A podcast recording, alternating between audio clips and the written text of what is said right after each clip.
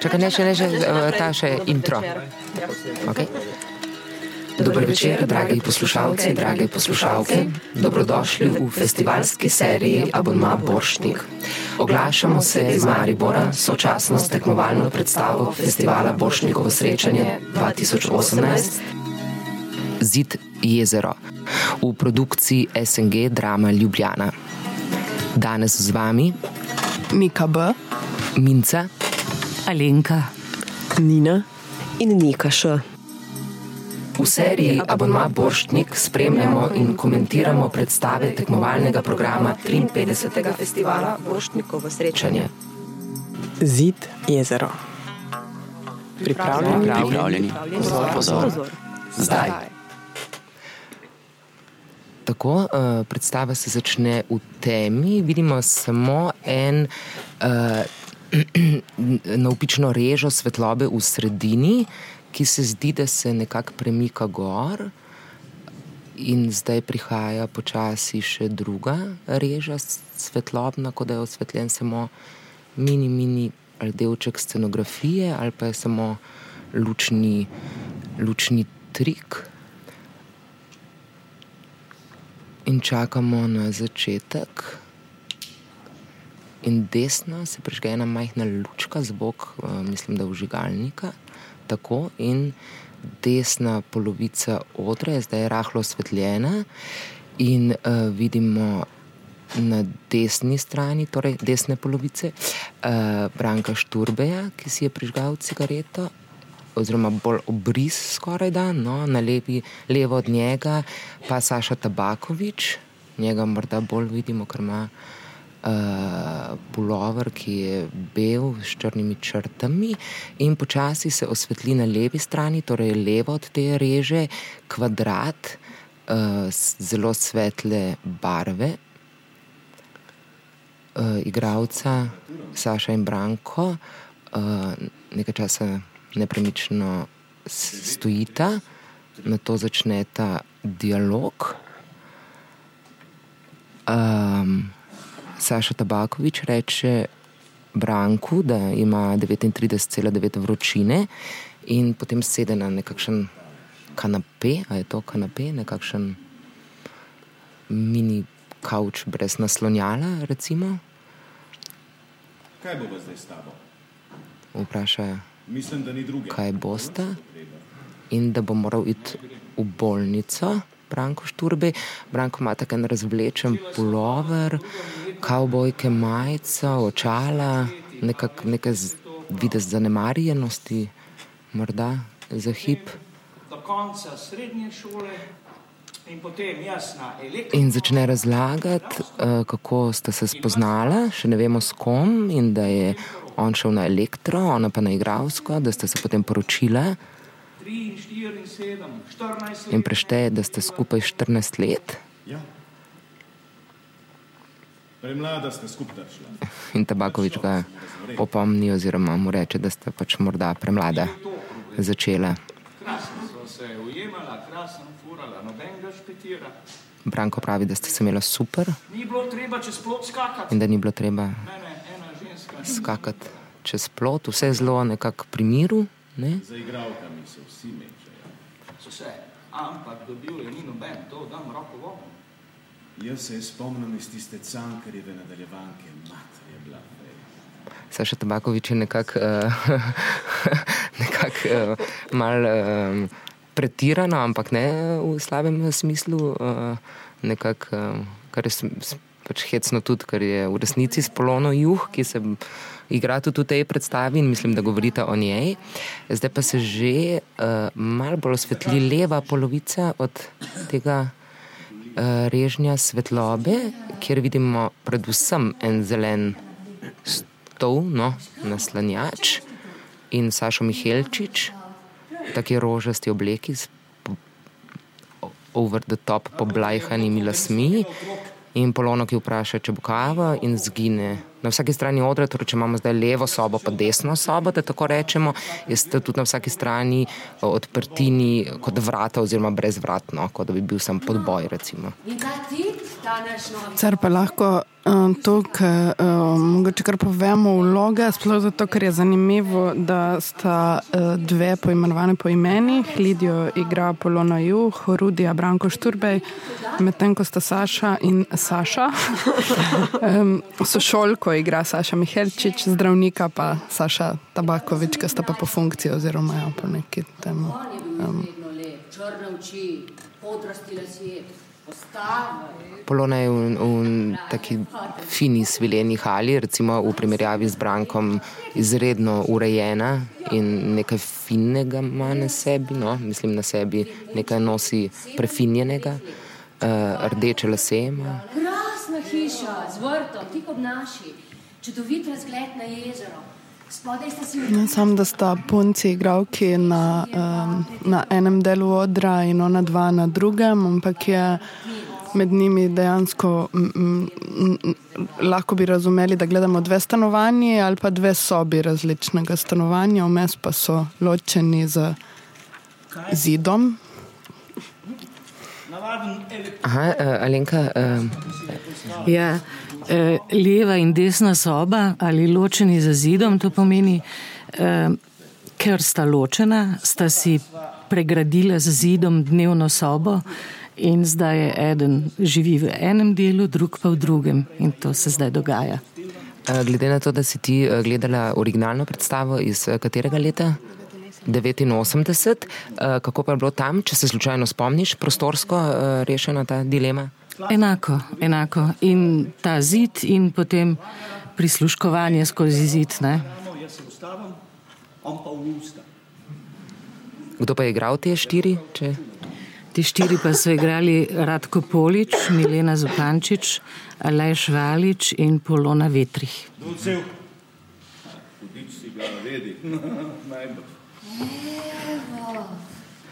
Ves čas um, nekako um, spremljamo oba dialoga, torej med Polono in Sašo Mihelčič in med zdravnikom. Torej med Lidijo in Sošolko. Tako, in med uh, Rudijem in zdravnikom. Uh, tako da v bistvu spremljanje zahteva, uh, mislim pač usporedno spremljanje no, zgodb, ki uh, kdaj zahteva malo več. Uh, koncentracija čisto vsebinsko, da ti kaj ne uide. No? Se mi zdi, da je zelo uh, bogata predstava, besedno bogata predstava. V bistvu samo besedno bogata predstava.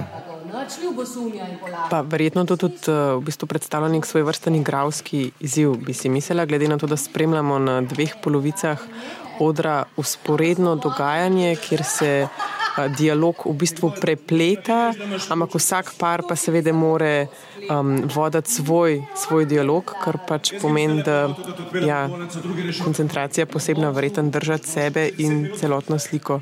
Ja, in paziti na te istočnice, ker mestoma to prehaja tudi v zelo hitrem tempu, se menjava in to, uh, Alenka, ti igravka, boš potrdila, ne? da spremljanje istočnic uh, na hitro je včasih kar ne izziv. Ja, to tudi ti kot igralka dobro veš, da je tako. Ja, pa tu ravna scena, kjer vidimo, da dejansko se tudi komunikacija med tema dvema prostoroma in dialogoma pač dogaja. Dejansko Rudi prisluškuje na sceni, kaj se dogaja v njeni polovici dnevne sobe. Eh, ona, ja, ona pa razlaga neko to dinamiko tega ločenega skupnega življenja.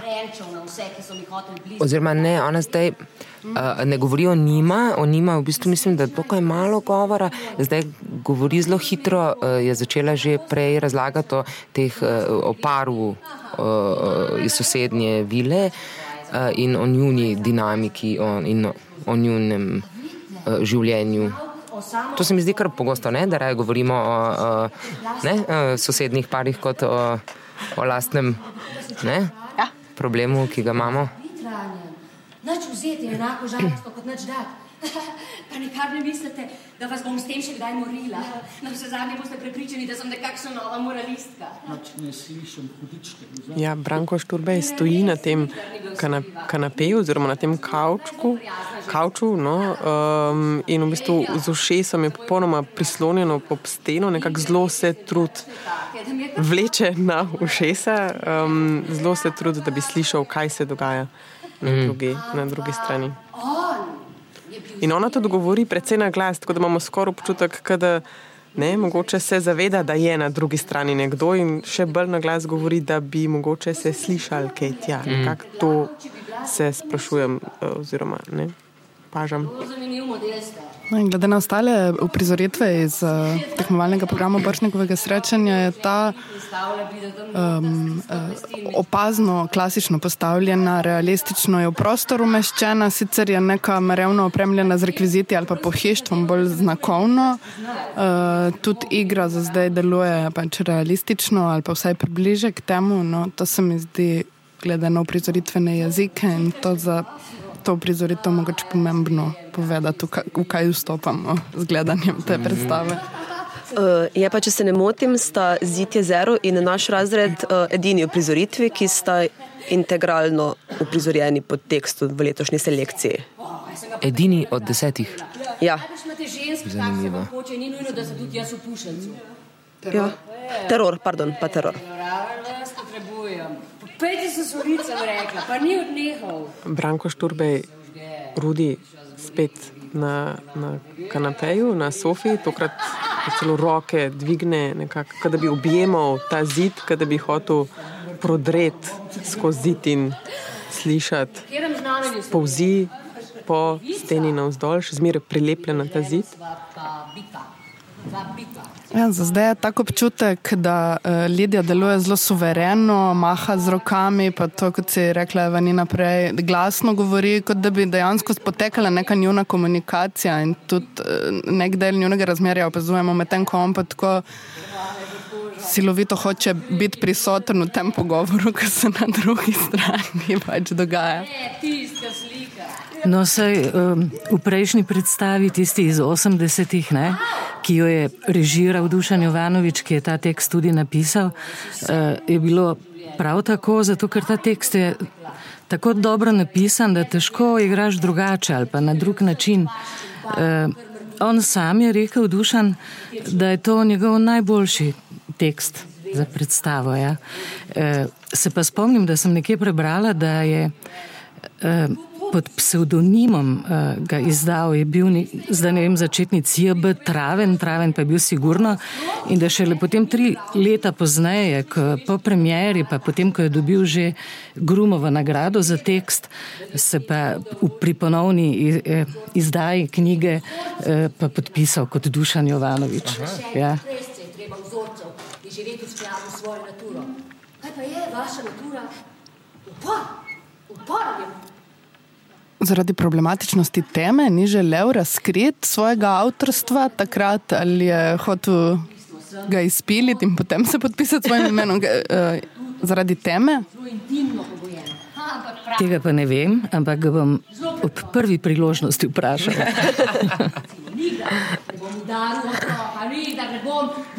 Tudi nekako eh, ta dramatičnost, katero Polona razlaga o tem paru, oziroma zdaj razlagam, mislim, da o, o tem pač sosedu, uh, ki jo je pecel in jo hotel naslikati, ta sosed je slikar, uh, nakazuje na to, da ona igra igravko, da je neka ta vehemenca, s katero ona razlaga. Uh, Vse je za pikico čez robek, da je to v bistvu bil sem prepričana za vestno odločitev, zdaj pa je prišlo do velikega momenta, zazvonil je telefon, vidimo dva ista telefona, mislim, da iskrina, ne? ali je to nekaj vse podobno, kot je bilo včasih? Ja, ja verjetno. Ja, ti iskra, uh, najbolj legendarni telefoni iskrini.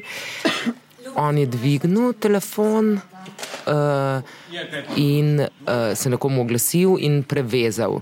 Telefon, ena cifra z enim priključkom in dvema. In zdaj razlaga to nekaj, kar smo, mislim, vse jaz dobro poznam, ta moment dveh telefonov, ista telefonska, oziroma on ga vpraša, če ima dvojčka, to je en tak nekaj iz tistih časov, ne zelo uh, značilno uh, med sosedo, recimo dvojčka ali pa ne. Vse sva dala na pol. Veš, In že prej je Polona rekla, da se bo pogovarjala z otrokom, ki kličeta eh, iz dopusta iz Korčule. Ja, in ravno, ko sem menila te telefona ne, in ta dvojček, in vidimo res, eh, to sta iskrina telefona, res prepoznaven, eh, prepoznavna estetika. Um, se jaz zdaj ravno sprašujem v bistvu v času, kdaj se ta predstava um, dogaja, ne? ker Franko Šturbenos ja, kavbojke, vidimo iskren telefon, um, ta kavč, kdaj, v kjer, v kjer prostor, v kjer čas, v katerem času se dogaja uprizoriten čas predstave. Ja, to, kako to komunicira z danes, koliko smo, kaj gledam, ja, se v bistvu sprašujem. Se že na primeru tega telefona, ne, tudi če, če ne bi hoteli točno, mislim, zdaj gre mogoče to zato, ker gre za kultno predstavo iz leta 89, zdaj ne želeti spremenjati časa dogajanja ali pa časa dram, dogajanja, ki ga drama narekuje. Verjetno tudi ta igra tega, ne, da isti telefon si delita, da morajo ostajati pod tem tempo, da bi mogli čist neke druge znake sicer mm -hmm. uh, naumeti.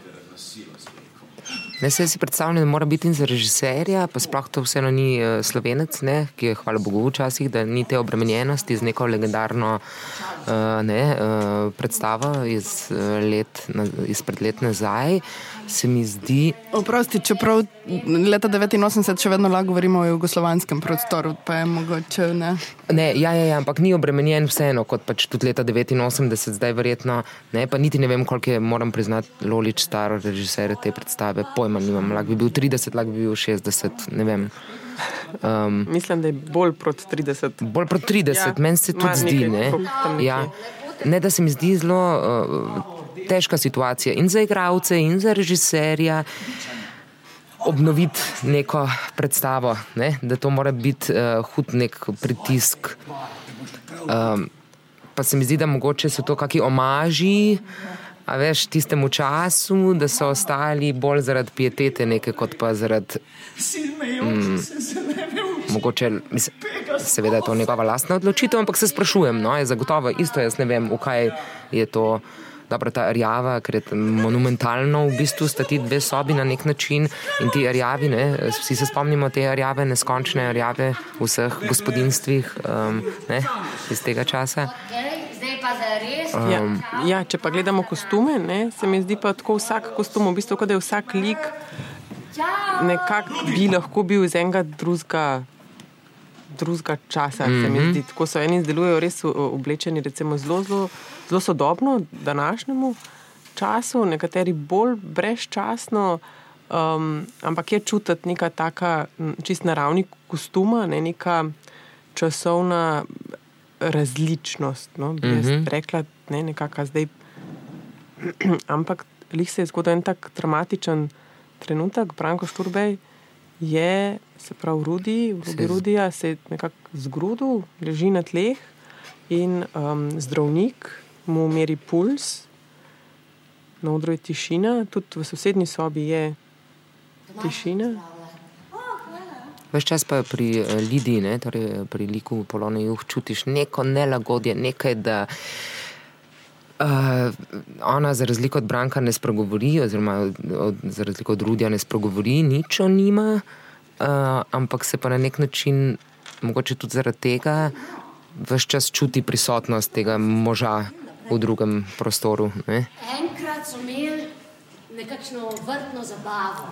Ja, zdaj, mislim, pri rekonstrukcijah predstavlja je drugače, to gre za ponovno uprizarjanje dramskega teksta. Glede na to, pa, da je uprizorjen v istem gledališču, da je vseeno v taki inštituciji zopet uprizorjen in prvič po toliko dolgem času, pa naenkrat dobi nek status in uh, vleče nas, da bi to dejansko bila rekonstrukcija ali pa da bi moralo biti povezano s to predstavo, med nek dialog in zdaj na tej točki sem. Meni zdi, mogoče, če je takrat bil nek uh, igralski uh, četvorček, znan, pomemben tistega časa, ne, tu lahko vseeno sprem, spremljamo eno drugo igralsko generacijo, ki isto statusno že se postavlja. Eh, nekam, če pa, če pa prav vem, je bilo pa najprej celo mišljeno, da bi z isto igralsko zasedbo to odigrali. Uh, Alenka, to smo se tudi malo prej pogovarjali. Ja, jaz sem prebrala v enem eh, eh, intervjuju Milene Zapančič, eh, tam je bilo napisano, da je rekla, eh, da dolgo ni želela iti gledati te predstave, te nove. Ne? Potem jo je pa šla in je bila razočarana. nad režiserjem, ne nad igravci, ki so dobri, ampak nad režiserjem rekla, da ni razumel, da ni razumel te teme. Zdaj ne vem točno, kaj je mislila s tem. Ob enem se je pa še pritožila in potožila, da je bilo rečeno vse čas, da bodo oni štirje, Radko Polič, ona, eh, Polona Vetrih in eh, Aleš Valič, zdaj po ne vem, 20 ali kolikih letih eh, še enkrat odigrali to predstavo in so bliže dogovori o tem, ampak potem nekako do tega ni prišlo, rekli so, da te predstave ne bo. No, naenkrat se je pa pojavila in to z novo ekipo ne? in je, je bila razočarana. No, fanta ni bilo več nazaj. Zato pa je ona, če je. Očitno je tudi njej osebno, eh, ne, ne samo kultnost, pač takrat postavljene predstave, ampak tudi njej osebno nek prelom to pač pomenilo. Ali pa pač si je v njeno osebno zgodovinico igralsko nekam zabeležena. Pa recimo je to, ker vseeno pač mi ne vemo ne, uh, za tisti čas. Aha, pardon, pardon akcija je. Zdaj spet Polona Juh v bistvu odigrava sceno, ki jo je mož, torej ne njen mož, ta sosed, mu bomo rekli sosed, ko, eh, ko je mu soseda, torej žena, povedala, da ima ljubička enega pesnika. Ker prej je namreč ta sosed razlagal neskončno, te, eh, da verjame v svobodno ljubezen in sploh in oh, in seveda tako, kot mu je ona povedala, v dobri veri, da ne, oni verjamejo v to doma. Uh, um, je on seveda znorel in to nam je zdaj polno jih odigrala. No. Ampak to smo hoteli vprašati, da, da glede na to, da pač mi smo bili vseeno premladi za to eh, kultno zid jezero, pa ti gledaš ogromno, res ogromno predstavo Lenka. Pa je to ena predstava, ko se recimo spomniš dobro? Recimo pač v tej res neskončni količini predstav, ogledanih v tvojem življenju, je to nekaj, Ker včasih se mi zdi, da se vedno sprašujem, koliko kult lahko mogoče nastane, tudi zaradi kakih okoliščin, pa mogoče ne zaradi same no, kvalitete, zdaj malo brez veze reči, ampak no, to me zanima. Ja, seveda sem si jo zapomnila že po res dobrem tekstu, po seveda odličnih igravcih.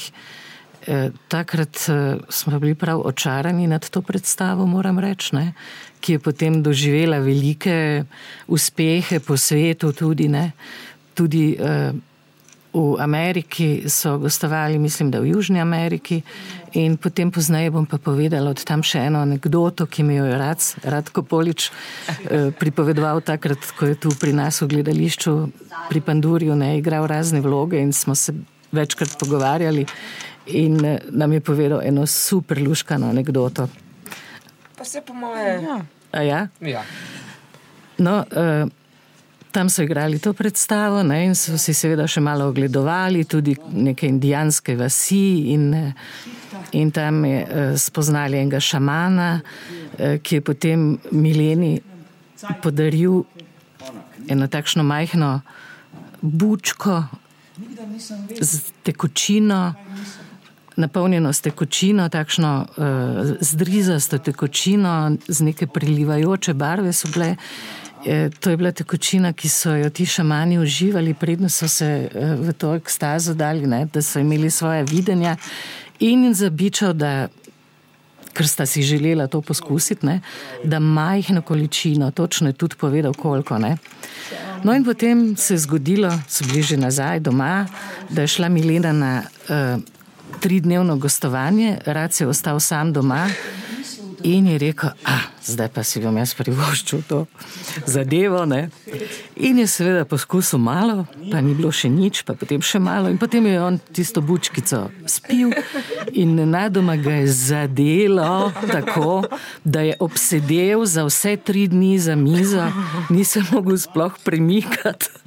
Edino občutki njegovi so bili takšni, kot da kot da lebdi skozi okno na dvorišču, posluša in gleda neke otroke spodaj, ne vem, kaj se mu je vse dogajalo, ampak on se ni mogel več premakniti. In ko je Milena prišla domov z gostovanja, eh, so morali udreti vrata njega. Uh, uh, Odnest čist takšnega skrčenega, kot je bil po, v položaju stola v posteljo, in potem je poklicala Ignacija Goloba, ki je bil tam se ne spomnim, ali je bil neki veleposlanik ali neki ambasador ali kaj je že bil, ne, e, tam v Južni Ameriki. In on je potem e, se pozanimal takoj, kako napraviti to, da bo Radko Polič se stopil dol. In, in ož, oživil svoje telo. Ne? No, in potem so to tudi naredili. Tako da to je razlagal, kako tiste tri dni tam čepel na stolu in blodil po vesolju. Hvala sem češče med spoke. To smo imeli še posebej radi. Risali sta, sta pletli, obe sta imeli take. Zdaj nadaljuje zgodbo o sosedih in da sta dve punčki, uh, sta imela ta soseda. Majhni in da ste bili na obisku, da jih, da jih je ona čuvala, da jih je peljala kopati. Vmes je zgodila tudi neka dramatična, uh, uh, uh, še bolj je bilo, pač še bolj nam je postalo jasno, da se vseeno mogoče tudi, ko je povzdignjen glas, marsikaj sliši, oziroma da je to tudi uh, potencijalen, uh, pot, potencijalno nagajanje uh, možno v tem uh, finem prostoru, steno vmes. Tudi nekaj alkohol smo dobili v obe polovici sobe. Samo umevna. Otrok ne razume.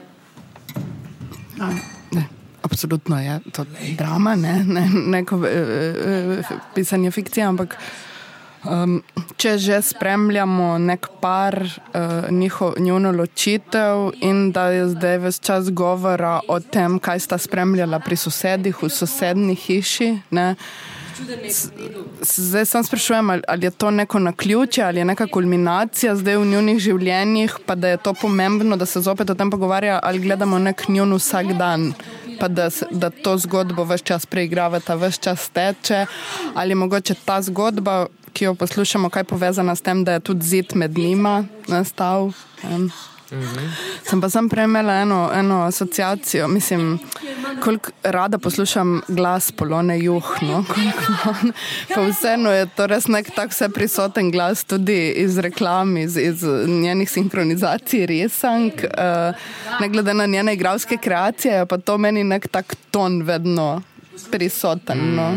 Ki me pomirja, in moram celo priznati, da včasih jo neham poslušati, ker muziko v njenem glasu. Eh,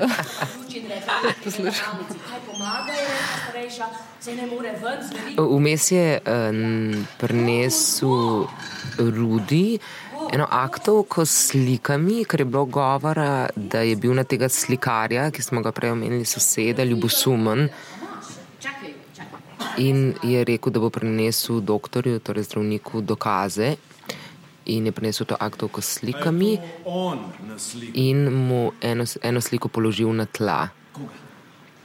Ja, kako koga?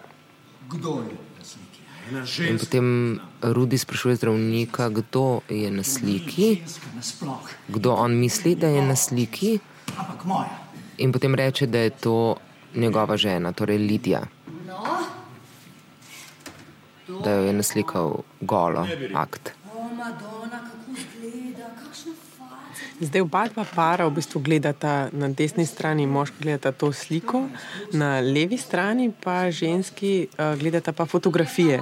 Uh, Polona Juh, Lidija je uh, prenesla en album s starimi fotografijami in oni zdaj obe dve sedita skupaj na enem tem fotelju, ne, nekako se stiskata na tem fotelju, ker pač v sobi je samo en fotelj, mizica in en fotelj um, na katerem sedi sošolka in zdaj se Lidija nekako na stranico usedla zraven in gleda ta slike, um, tudi na stare fotografije Uh, kako je zdaj kdo zgledal? Oziroma um, fotografije tudi teh sosedov. Tudi teh sosedov. Tako, tako. Uh -huh. Že prej pa smo zvedeli iz pogovora telefonskega, da je to sošolka, ki zdaj živi v Avstraliji. Torej je nekdo, ki mu moramo vse povedati.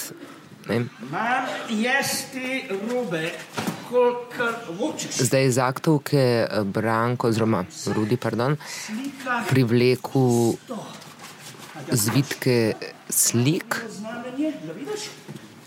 In mu kaže, da na vsakem aktu materino znamenje, ki ga ima Lidija, zato kljub temu, da ta akt nima obraza, da je res samo akt, da je to dokaz, da je to Lidija.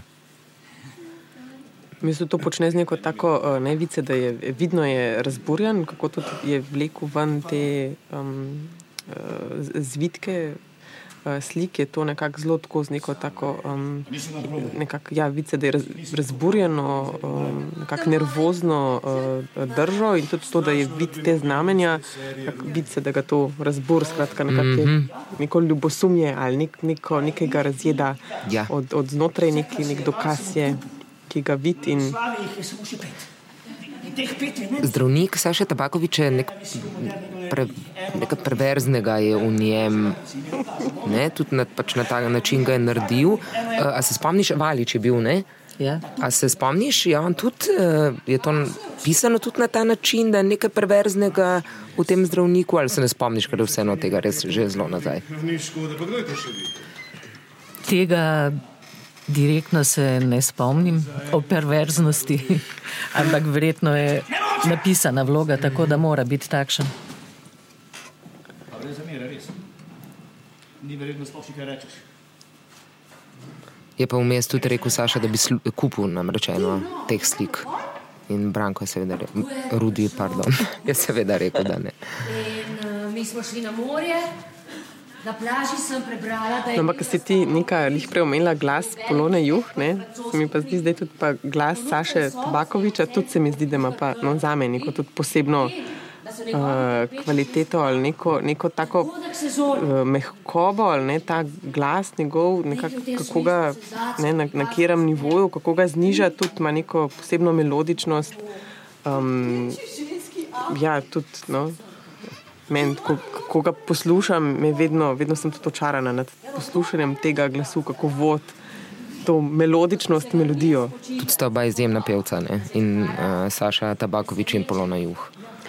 No, zdaj recimo spremljamo uh, uh, isto temo z drugim dogajanjem na obeh straneh zidu, medtem ko Polona razlaga uh, prigode o uh, uh, um, nekom, ki prodaja akte na morju in je velika senzacija, jih uh, uh, Rudi um, pospravlja svoje in jih um, zlaga.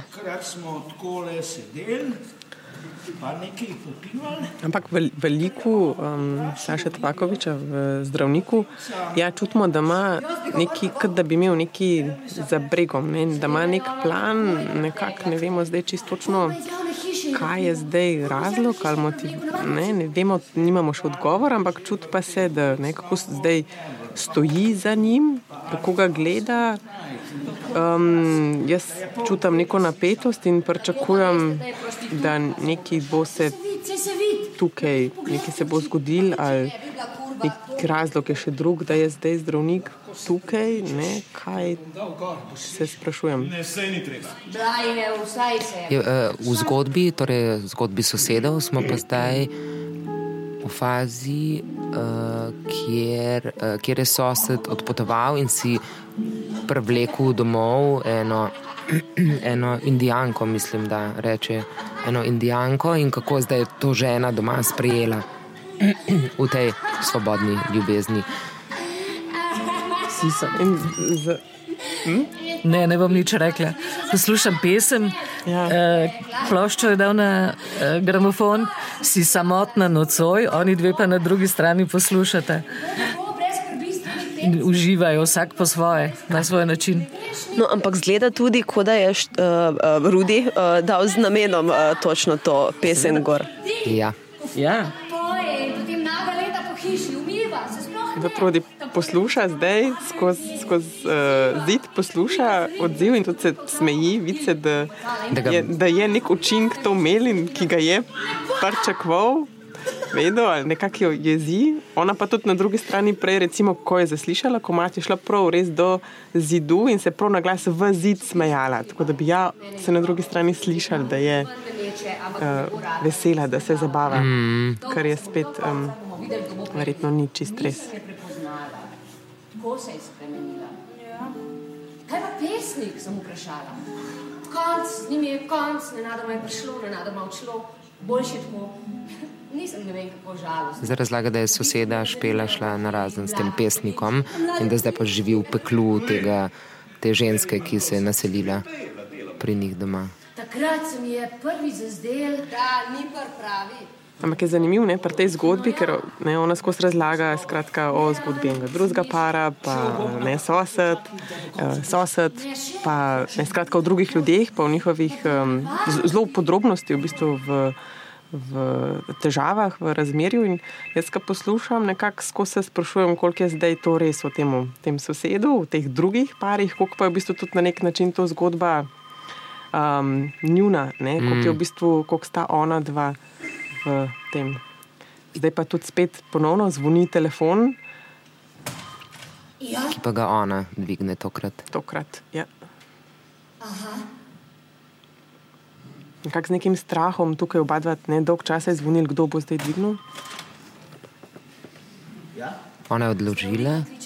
Zdaj je dvignil on. Povedala mu je, da kličejo zdravnika iz zdravstvenega doma, torej da rabijo zdravnika, ne pa rudija. Vsi so nekako zelo tako, um, vsi so zelo vidno razburjeni, nekako neka tišina, gledajo se tako. Nek... V kakšnih odnosih pa stavite? Zdaj, v resnici prvič vpraša sošolka Lidijo, v kakšnih odnosih pa sta ona dva. Torej, Lidija in Rudi. Moram bi ga odpeljati v klinični center, pa kaj imam jaz s tem? Bolan sem, ne počutim se dobro, glava me boli. No, mehitanka je ostala, hiša se je spremenila v bojišče, celo jesen in zimo. Rudi deluje malo kot nek skoraj. Imela sem veliko dela in več. Na meji še zdravo pametjo, no? Oziroma da, um, mal, da je šlo čez za pikico.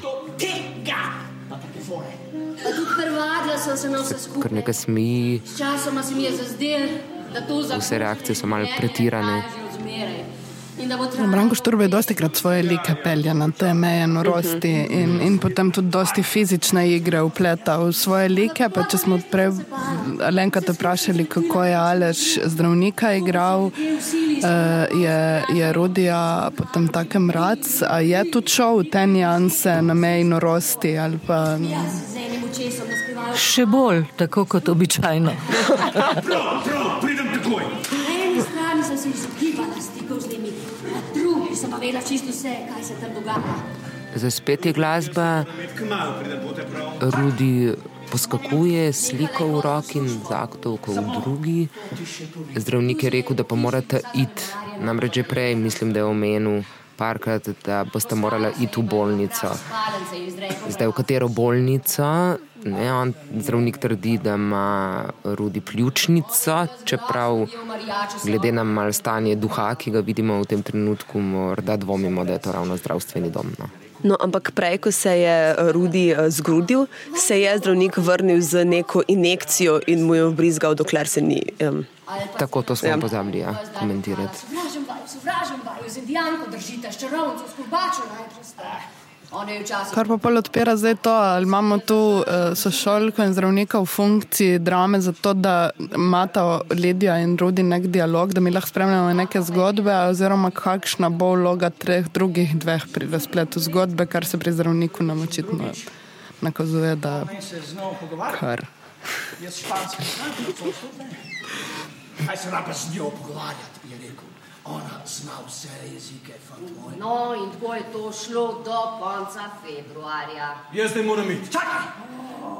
Potem sem pa jaz začel tuhtati. Ampak je ja, vse skozi, ne, tudi skratka, vse čas res to sporedno dogajanje, ne, se pravi, sporedno se dogajata dve sliki, gledamo in tudi dialog res tako skače z ene strani na drugo.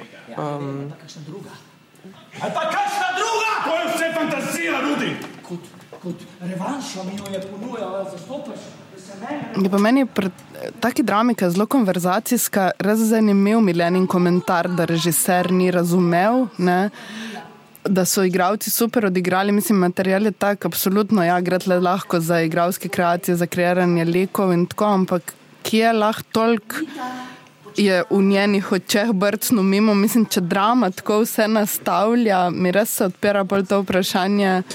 Ali pa kar smo zdaj spet tudi pri večjih predstavah, ne, kje, kje režiser vstopa, kaj je z, vem, z umetelnostjo eh, mizan scene ali pa tega premisleka ali s sugestijami igralcev ali kje s svojimi avtorskimi posegi, ker se mi tu v tej predstavi ne zdi, da bi bil nek blazen prostor za to, oziroma absolutno ni na to štartoval.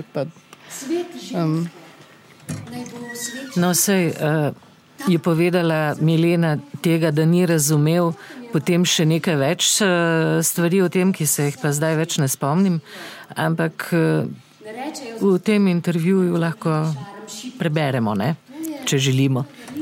Ne, sej, da ne, da ne, ne repliciram uh, njej ali, ali pa tvojemu citiranju nje, ampak prav, samo vprašanje se mi je odprlo. Gledam pač predstavo, ne, na kak način, kako jo lahko kot režiser bereš, kako jo postaviš, s katerimi znaki komuniciraš prave stvari, drame, čist, čist. No. Ja, recimo, jaz tudi, ko sem uh, gledal to predstavo, ne, me je tudi v bistvu čisto po stilu, po stilsko, um, me je tudi presenetila na nek način. Jaz eh, Loliča sicer ne poznam zelo dobro, gledala pa sem eno njegovo predstavo že, že kar nekaj časa nazaj in sicer v mini teatru, um, kaj je bil, aha, bar. Ta uh, raj, raj bi da ne, Bartleby pisar, um, ki je bila v bistvu po, po, po, po stilu ali pa v bistvu po raziskovanju gledališkega jezika um, tako zelo je odpirala nek zelo specifičen svet, zelo specifičen jezik. Jaz, ko sem to predstavo videla, se mi je zdelo, da vidim, da no, Lolič pa predstava tako nek zelo specifično raziskovanje, gledališko se mi je zdelo, da odpira. Um, in ko sem gledal to, to predstavo, je v bistvu tako velik skok v, bistvu v, v estetiki, pa v pristopu, pa v stilu. Um, tako da se jaz tudi, no, se mi odpirajo v bistvu vprašanja, kakšen je um, ja, pristop, oziroma kaj ga je vodil, kaj so bile odločitve zadnji za, za tako postavitev, za tako estetiko. Um, ja, kaj, kaj ga je vodilo? Zdaj je moment, kjer, je, kjer pove Polona, da sta z Rudijem videla, kako ta vila gori in kako je indijanka zabodena s temi rdečimi pletilkami, ki jih prej omenja, s katerimi sta punčki pletli, torej hčerki. In da vstopi v hišo, in da vročina. Slišim stokanje, zvenelje kot glas ranjenca. Izredno čustveno doživeta igra Polone Juh monolog, obrnjena je proti nam, k publiki, hodi naprej proti publiki. Na drugi strani je pa rodjeva polovica dnevne sobe zdaj zatemnjena v temi. Ga pa vidimo, da tam stoji. Res je občutek, da tudi on to posluša. Skratka, v tem momentu, ki je očitno tudi vplival na njuno življenje, sta zdaj v predstavi z nami skupaj. No? Polona pravi, da v hiši sliša, sliši mami ne. In potem čuvanje razburkane vode. Napenjam oči. Očitno je, da lik... Oziroma v jezeru to vidi. Ja. Ne. Nad gladino in potem spet poniknejo. Ampak očitno je, da lik polona juh, da vidijo to zelo, ta zgodba, ta dogodek jo izredno razburi. Izredno uh, razbur. Mm -hmm. Res prav čistje kriči. Kriči sosedo in njunih črki, medtem ko gleda v jezero. Kriči res na, vse, na vse grlo, tudi uh, njen, njen izraz v očeh je. Poln groze in. Poln groze in tudi uh, mislim, da se vidi, prav svetijo se od polne so sous, tudi nekako čist. Um, Razorvana.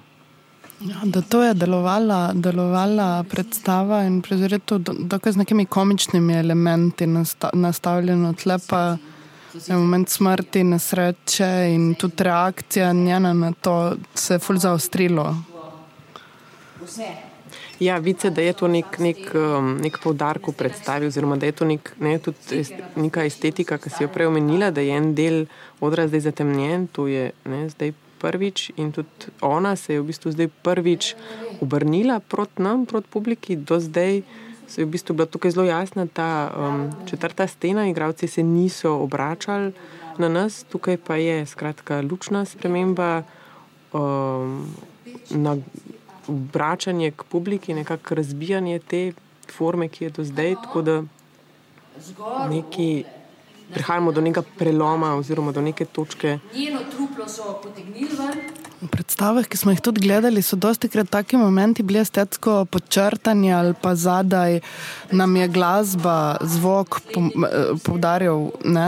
Tu pa v tej predstavi pa sploh nima skladatelja, ni uporabljene glasbe, kar je zanimivo. No, glasba je pa res redko element, ki ga v prizoritvah ni. Dobre, dva meseca po tistem se je pa. Ja, prej prej, v bistvu, komat, ki smo ga slišali, ga je v bistvu um, lik, v bistvu, um, ga je lik. Uh, Dal igrati, ne, ker je v bistvu skratka, smo slišali, ampak je bil v, v bistvu upisan v dramo, kot pa praviš, ja, res ni nobene te druge, um, da bi zdaj podpirali nekje od drugot, pa res se dogaja v bistvu to v tišini, kar je zanimivo, ne, tak dramatičen dogodek skozi v bistvu to uh, igralsko um, prezenco.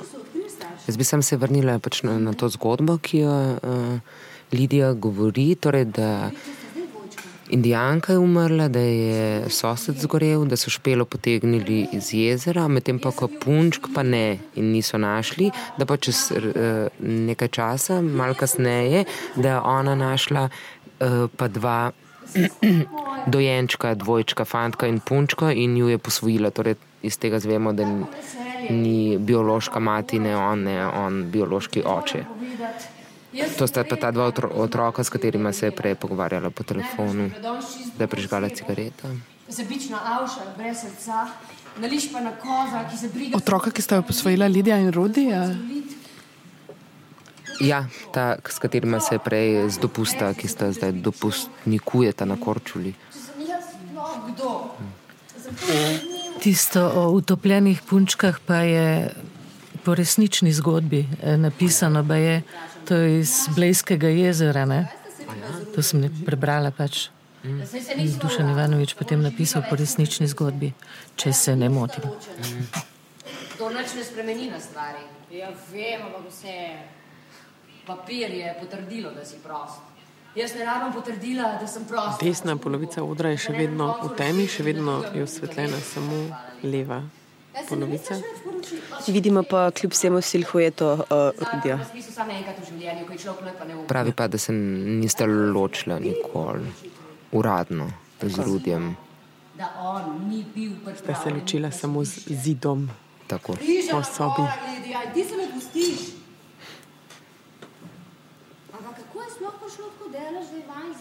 Je šel v Maloro. Od stotih možnih razlogov ti bom povedala samo enega. On je nor. Zdaj pravi, da je Rudi nor. Mogoče to, da se že malo sprašujemo, kaj potem s tem zdravnikom in v katero bolnico bi ga ta peljal. Patološka ljubosumnost. Da je patološko ljubosumen. In slišimo tudi, da Rudi na drugi strani to sliši. Tako. Ker ponavlja te besede, nor, klinično, nor. Ampak medtem pa objema uh, njen akt. Lenka. Prej sem rekla, ne, da so bili uh, prejšnja zasedba, pre, uh, krstne prizoritve, neka generacija uh, reprezentativna igralska. Tu spet gledamo neko zasedbo, ki bi jo lahko dali v skupno generacijo, kljub nekim starostnim razlikam. Zdaj, če, če bi šli še naprej, so vsaj še dve neki igralski generaciji, ki bi jih lahko opredelili, kako uh, ti, glede na količino predstav, kot je Vinca rekla, ki jih vidiš, vidiš tudi kakšne razlike v stilih igre, mogoče tudi glede na generacije, opažaš to?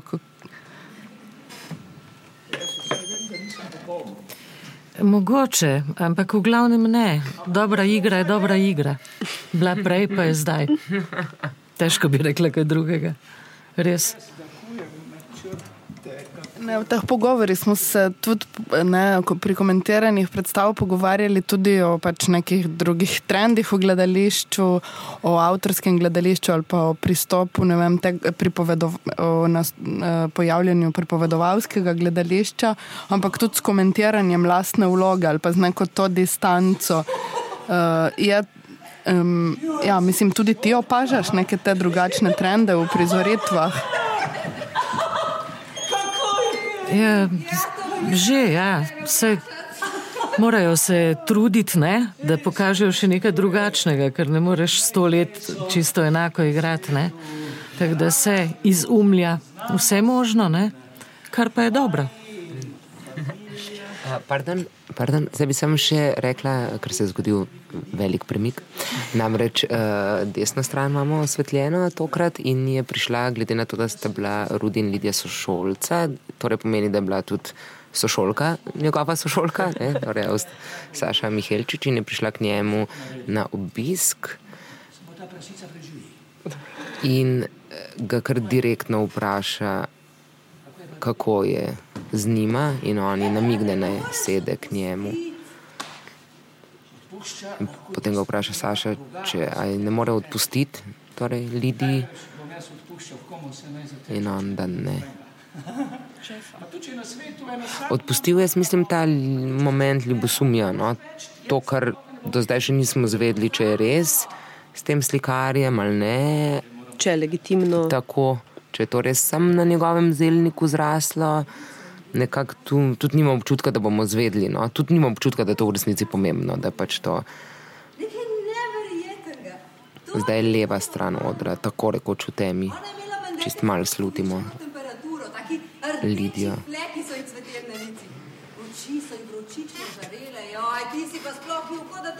Zdaj pa Saša se spominja teh časov, ko sta se zaljubila imela reva, kaj razlaga. In kompozicija prostora je nekako tudi um, hecna, ne? da je um, uh, Rudi je ta kavč, ki je pre, premakljiv, premaknil v bistvu nekako pred vhod. Na katerem sedi, Saša je prišla od zadaj in nekako je za njegovim hrbtom stala, se z njim pogovarjala, tako ne sedi še zraven, stoji, on sedi. Zelo je nekako in na levi, in na desni strani je nekaj narobe, nekaj je okorno, nekaj je zelo hladno in nekako nezdružljivo z nekim udobnim življenjem. No? Nekako ne bi bil ne v levi, ne v desni sobi, ne bi preživel niti deset minut v resnici. Kar ja. mogoče tudi nekaj pomeni. Pa, ne? Ja, nekako v obeh prostorih liki iščejo v bistvu, kako bi se namestili, umestili, postavili, kako koli se usedajo, stojijo, je neka, neka, neka ukornost, neki. Ja. neki Enkrat prej omeni tudi, že kar nazaj, Lidija ali Rudi, da pa ne vem, da ima uh, vsak na svoji strani kamin, Rudi to reče, da on sicer svojega nikoli ni prižgal. Uh, in spet ta komat, kot Aha, ona, tokrat ga ona uh, v bistvu prižge. Sošolka torej? Ne? Ja, sošolka uh, prižge radio, zdaj je ukasnila. Ampak, ja. Tud, pardon, tudi radio je mal iz časa, ne? Ja, uh, uh -huh. Iskrenega telefona. Ne? Ja. V glavnem me zanima ta kamin, o katerem je vseeno kar nekaj govora, uh -huh. recimo, no, vse par stavkov in nekako je mal izpostavljen ne vem, ali je ta, ta dva telefona, da sta mal kamin ali ne. No, sem se mi spet zdel, če je v leta 89 bil iskren telefon, bil iskren radio, ne, pač uh, danes to to deluje čist drugače. Pač danes to potem v prizoritvi kar še nek nivo odpira. V resnici je odmik. Takrat, če je bilo v realnem času, ko so tudi gledalci takrat bivali v tem okolju, ni moglo biti tega nivoja, ki je danes. Pač pa je. Ne? Ne vem, več mislim. smo v digitalni dobi, ne, pač ne vem, če to gledajo srednješolci, da zdaj recimo rečem pač vprašanje, koliko to analogni svet sploh razumejo. No. Pač mislim, ali pa kaj njim to pomeni znakovno, ker ne enkrat ne. Ja, ker je ravno tako blizu, da se v bistvu še spomnimo, hkrati pa to ni več realnost danes. In je,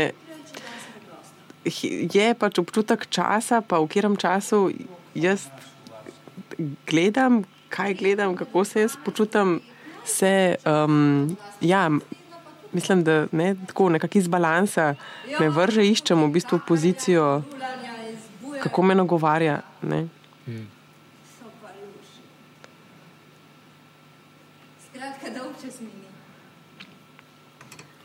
So šolka povedala, da je učiteljica v šoli v Avstraliji, tam kjer živi. sošolka zdaj razlaga, rodi vse svojo, svojo zgodbo, kaj se njej kaj dogaja. Medtem ko Rudi, ki sedi poleg nje, deluje nekako um, od, odsotno, jo posluša, ampak v bistvu pogled je nekako usmerjen naprej, ne fokusiran. Nekako ni svet, v katerem je, ni čist tukaj tukaj in zdaj, mm. ampak je nekje drugje. Na levi strani v tej pol ali skorajšnji temi vidimo, da je zdravnik prišel uh, k Lidiji z aktovko in jo odložil na mizo. In da mora ona podpisati soglasje. Mlajši in bolj ohranjen. Jaz ali ona? Zdaj pa uh, Rudi vpraša sošolko, kdo je lepši in bolj ohranjen, ali on ali ona. Čeprav mislim, da je kar očitno. In na drugi levi strani Lidija vpraša, kdaj ga boste odpeljali, in on reče: danes večer, mm. vzame list papirja in ga da v roke. In tukaj se zdaj In zdravnik pove, da kaže vse znake uh, pred samomorilskega stanja.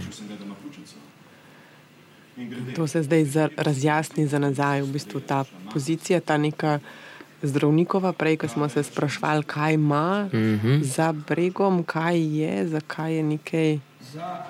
Prav tako je zdaj povedal, da pa mu je rekel, da ima pljučnico in da ga bo torej, pod pretvezo peljal. Ki je še nobeno nisem. Po požaru. Um, fun fact: včeraj je bil svetovni dan uh, mentalnega zdravja. Mm -hmm.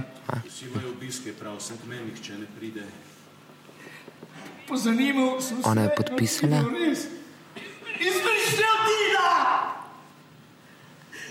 Nihče ni vedel, kje je. Zdaj bom jaz malo na pamet sicer govorila, no? ampak ne, imamo um, zdaj svetovni dan mentalnega zdravja. Mogoče so bili to neki časi, tudi glede na neka druga, pa če v našem prostoru govorimo. Uh, uh, Iz našega prostora literarne dela, ki se ukvarjajo z mejnimi psi, psi, psihičnimi, psihotičnimi stanji, mogoče je bilo tudi neko detabuiziranje takih tem takrat kar danes velja, verjetno za kakšne druge teme, no, pa je to že bolj sprejeto. Pa, no. To sem zdaj sem pomislila, no, ker je kar nekaj literature, dramatike, ki, ki take like vzpostavlja, ki te stvari je takrat problematizirala, mogoče ne v, v, v razponu petih let takrat, ampak širše, pa vseeno. No. Ne, danes vseeno se o tem pogovarjamo več, ali pa se to kot resne diagnoze in bolezni tudi jemlje. Tle je to po mojem še bila stigma. No? Mm.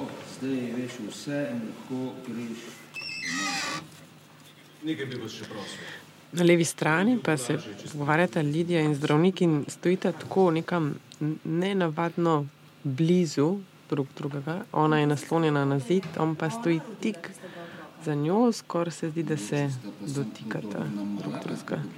Ampak tudi na desni strani se ponovi podobna situacija, ko je Rudi naslonjen na zid, um, sošolka ga pa um, mogoče ne vem, to lažje mu nudi oporo. Um, in tudi stoji tik za njim in se ga dotika. Ampak se razvija prav to uh, ta, uh, stanje njegovega ljubosumja. On, on trdi, da je ona dejansko rodila ta dva dvojčka. Pa, da... Kljub temu, tako, da je Polona rekla, da je pač ni bilo dva meseca in da nekako je ne mogoče v teh dveh mesecih to vse narediti, uh, zaploditi in roditi. Um, ampak on nekako ima jasno idejo, očitno. Rudi Branko Šturbej se je, opote, se je opotekel, zdaj od zidu s koraki do tega uh, kanapeja in se usedel na drugi strani. Pa Lidija, polo na juh, ob zidu in ga kliče skozi zid. Sama sta zdaj. Tako, vsak v svojem prostoru sama in tudi prvič se direktno nagovarjata, brez kakšnega drugega razloga. Kot. In on njega to zelo nekako osreči, se nam zdi, v, za razliko od njeki, za katero nimam tega občutka. In on deluje, kar mal ne more verjeti. In deluje tako nekako komično, ne? ker pač sta vsak na na svoji strani zidu, kar pomeni, da če se hočete slišati, morate res zelo kričati. Um, dialog, ki pa ga vodite, je pa zelo ne, tak, kako ok, kako. Um, ampak ga kričite na vse glas.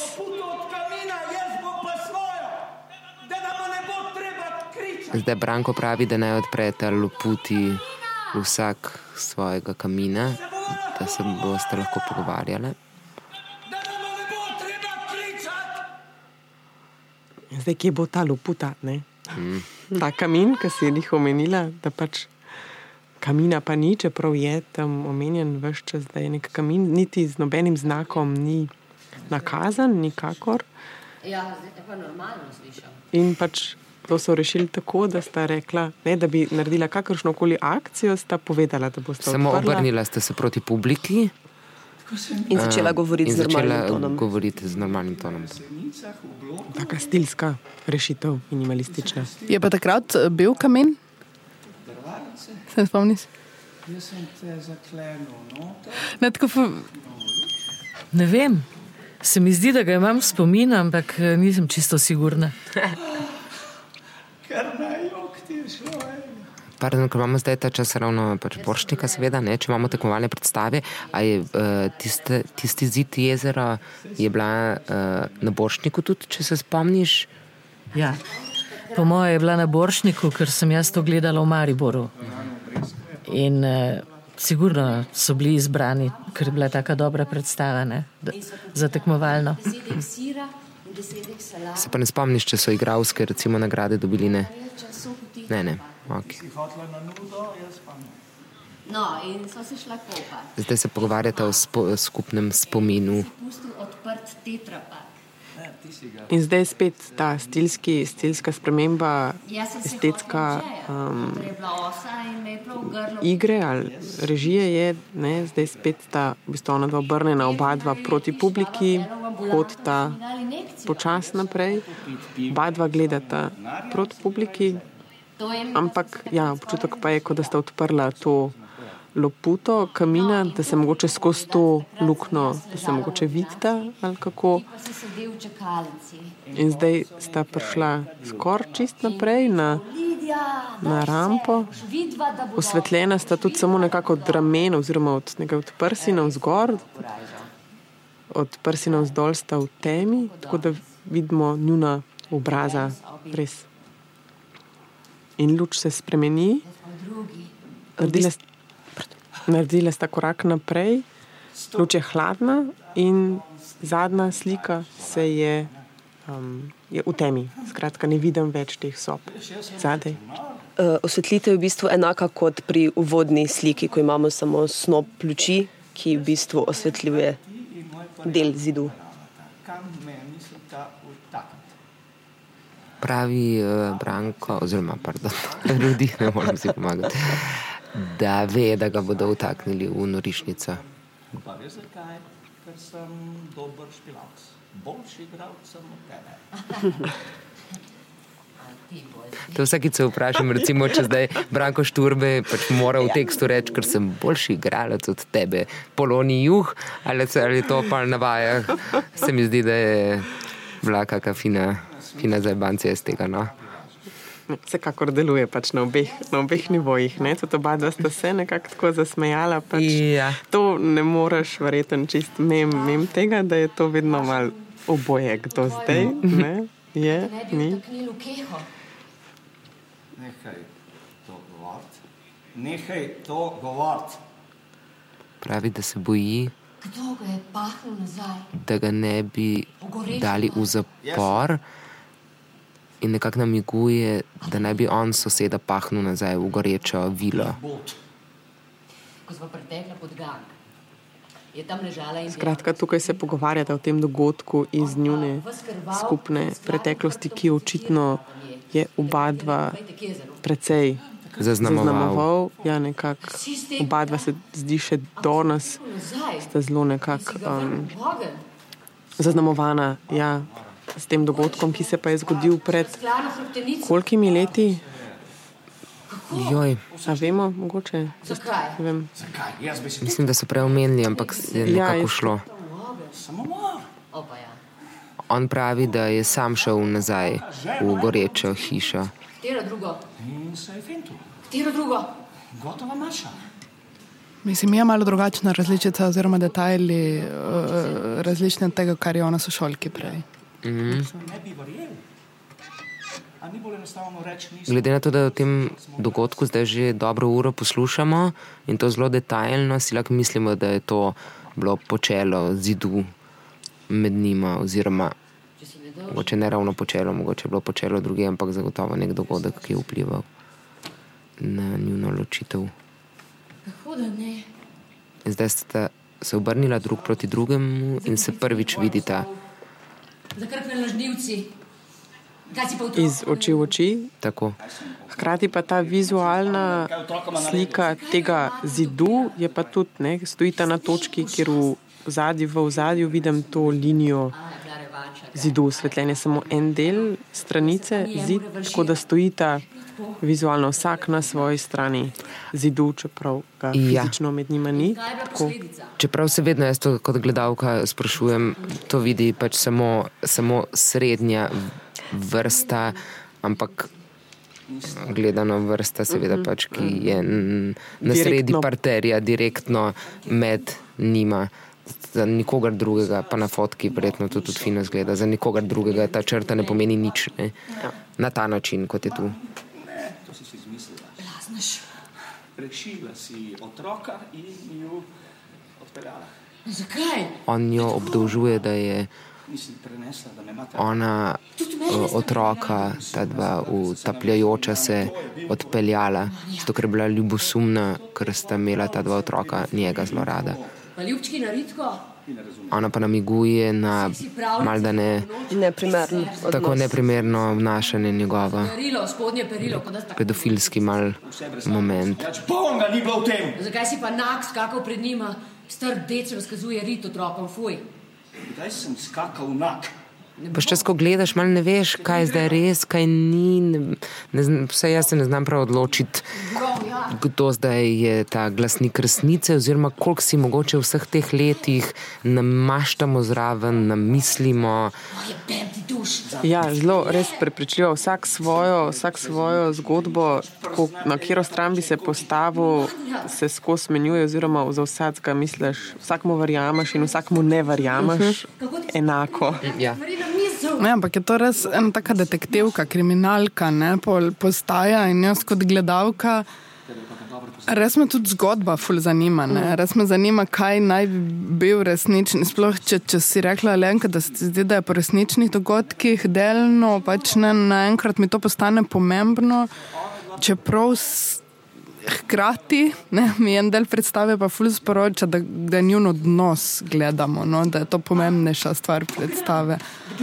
Ampak ta del me res tako, res kriminalistično, mislim, kriminalkasto vleče, da bi uh, hotela vedeti. zdaj ste recimo prvič imela tudi fizičen uh, stik, koga je Polona, uh, Lidija, Rudija, Darla. Rodici, šla Tomaža in Teja. Seveda, v dveh mestih sem zanosila. Se Ja, zdaj se prav naslanjata drug na drugega, prav kot na zid, ampak hkrati na drug drugega. Tako da fizičen stik. In neke očitke si konstantno mečete. Zdaj vem, zakaj slike niso zgorele. Pravi, da zdaj ve, zakaj slike niso zgorele. Namreč v tej goreči vili edina reč, ki ni zgorela, ali oseba, uh, so bile slike, za katere je on prej trdil, da so ona, da je ona na njih. Tepu je eno, ljubu drugo, sliko pa nekaj čist resna. Umetniške kolobocije, halucinacije. A ja, ja, ja. Ali pa si je podzavestno želel, da bi te razmesaril. Potem je pač ni imel rad. Manja, to ti. Ta Ne, čist. besedni, besedni dvoboj očitkov, tak res um, intenziven in preskakuje res z ene strani na drugo. Kdo komu vrže žogco, kako drug odbije nazaj, tako zelo um, si podajata besede, očitke, obračata, igrata drug. Nekako slutiš, da tu ni rešitve. No? V fabriki pa tega ne marajo. Da imate nek moment uh, zedinjenja v neki šali, se malo nas, nasmejete. In tudi se pa han, tudi vprašanje, kdo zdaj, ona reče, a jaz tudi glumim norost, kdo zdaj tukaj igra, kdo komu učita, da je nor, kdo je zares nor. Oba dva se v tem zdita zelo, um, da si zelo dobro parirata. Mm. Jaz točno vem, da sem rad v čudah. Hodom na jezero, da bi lovil ribe, pa ne lovim. Branko pravi o sebi, da ve, da je postal čudak. Se ti tudi nekaj malega, kot da bi ga to tudi zabavalo, no? ko o tem razlaga. In opazujem kolobarje. In grem domov. Alenka, Bra- Branka si pa doskrat na odru videla, ne? v svojih uh, mariborskih. Uh, In videla in z njimi igrala v mnogih predstavah, od, od Fausta do Divine komedije, do Amerike, do um, kaj smo še igrali, Don Juana, do. Pa zdaj se sploh več ne spomnim, ampak res dosti smo igrali skupaj in gostovali. In je zelo dober igralec, moram že reči. Spohtelo nekam v zrak. Nič ne vem, nič ne znam. oba imata solze v očeh, kljub temu, da se on smeji, neka grenkoba in trpkost iz obeh. Ja, obema se, obema se popolnoma svetijo oči. Polne solz. Ta dva otroka, da to ni res. To. On pravi, da je samo napravi, pa da je sreča, da ima otroka. Torej pomeni, da nekako nista bila, odkar sta otroka, to je po nesreči oziroma po požaru, da od takrat naprej očitno na nek način več nista skupaj. Tako zelo se bojim, da čutim, da to ni več normalno. Sanjam, da sem štorkla in da letim. V klunu imam Tomaža in Tejo Da opisuje svoje sanje. In krožem nad hišo njune matere. Spuščam se vse niže, dokler ne razločam obraza objokane ženske. Takrat pa se spremenim v Lidijo, hočem zbežati, ampak ne morem. Še vedno stojita drug poleg drugega čist skupaj, spredaj na rampi. Šla sem k psihiatru, vse mi je razložil, pa nič ne pomaga. Pravi, pravi da, je, da je šla k psihiatru, da je vse razložil, ampak da to nič ne pomaga.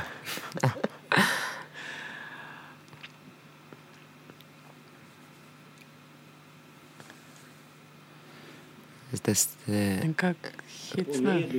bom, sta najdenčka. rudi skloni in da glavo nekako med njene prsi pa trebuh in ji pove, da bo otrokoma povedal, da sta najdenčka oziroma posvojena. In ona pravi, da tega ne sme. očitno torej še ne veste in da je to nekaj, kar je njej izjemno pomembno, torej nekaj, kar uh, zaradi česar je lahko on v šahu. Ne, da ne boš. Ne boš, ti greš v norišnico. Ja, ampak bom čez mesec ali dva prišel ven, ne bom večno noter. In takrat jim bom povedal. Ona pravi, da ne sme povedati in da gre v norišnico. Nam da mogoče misliti, morda pa tudi je to en razlog, zakaj je ona podpisala to zdravnikom. Uh, in on je rekel, da bo prišel čez mesec, dva ven in jima bo povedal. In ko bo prišel ven, bo on zdrav, ona pa nora in bo njo spravil v norišnico. In otrokom bo povedal.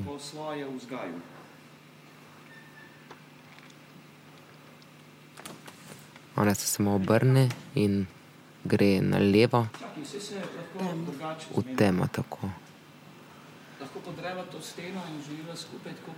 In on pravi, da se lahko drugače zmenite, da lahko podrete steno in živite kot mož in žena torej izsiljevanje neko. Ne?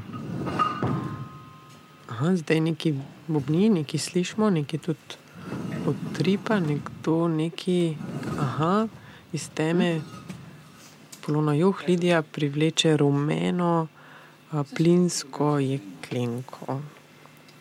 To prav gospodinsko plinsko jeklenko in slišimo nek zvok, Ona je tudi odprla ventil, smo videli. Mm -hmm. Tako da očitno se ne bo dobro končalo. Ne bo dobro končalo.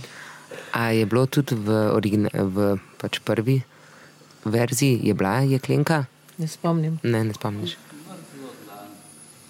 Ampak sta pa umrla uh, na koncu. Že tega je že 30 let, ne? Verjetno sta umrla, po moje je tako napisano. Ali misliš, da si sčasoma cel človek? Da se ti ščita, ti ščita Branko, Branko Šturbej, Rudi in Polona Juh. Lidija, ona je naslonjena na glavo, ima na njegovih prsih. Uh, držite se, kot da boste zaplesala, tudi se malo levo, desno mal, zibljeta. Ja, stojita pri miru, ampak se zibljeta levo, desno, slišim pa še vedno to puščanje plina, vidim je klenko, rumeno. On poje. Mora biti to, pa mora drugim dati vero, upanje, mora to je tvoj poklic, bistvo igre, toplota, ki pohti. Ona pravi pa o toploti, oziroma da ona tega več ne čuti in da čuti samo hlad. Ja, besede so popolnoma drugačne, besede vzpodbude in ne, te uh, optimizma, medtem ko kako zgledata, je pa popolnoma nasprotno, skratka, čist sta na robu, popolnoma čustveno uničena. In... Je pa zdaj glasba v zadju, ne? Mhm. Ja, slišim en komat, dopoje. Tako da prvič se zdaj pojavlja ta moment glasbe od zunaj. Kako naj izhajam? Kako podhlajena?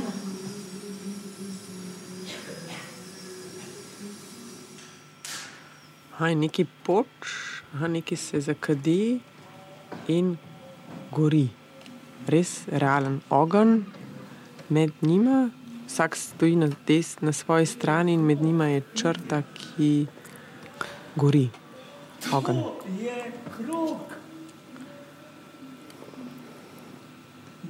Vse ostalo, je, vse ostalo je v temi, ogen. Našli smo kamin. to je kamin. Spi vročina. Dejansko je pirotehnika, ne? dejansko gori na odru. Mm.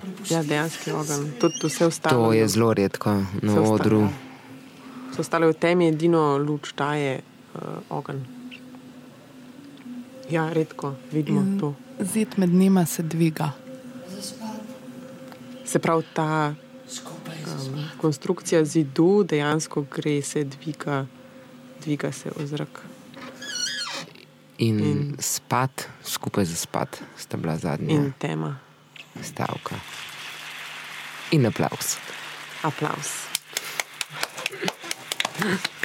Bravo. Hvala, Boštjan, za tehnično podporo. Gremo dalje na festival. Serija Abonma Boršnik je del projekta Abonma v produkciji Momenta Maribor. Podcasti so nastajali v sodelovanju s studijem Europe Radio GT2. Serija je arhivirana na SoundCloudu Maribor is the Future.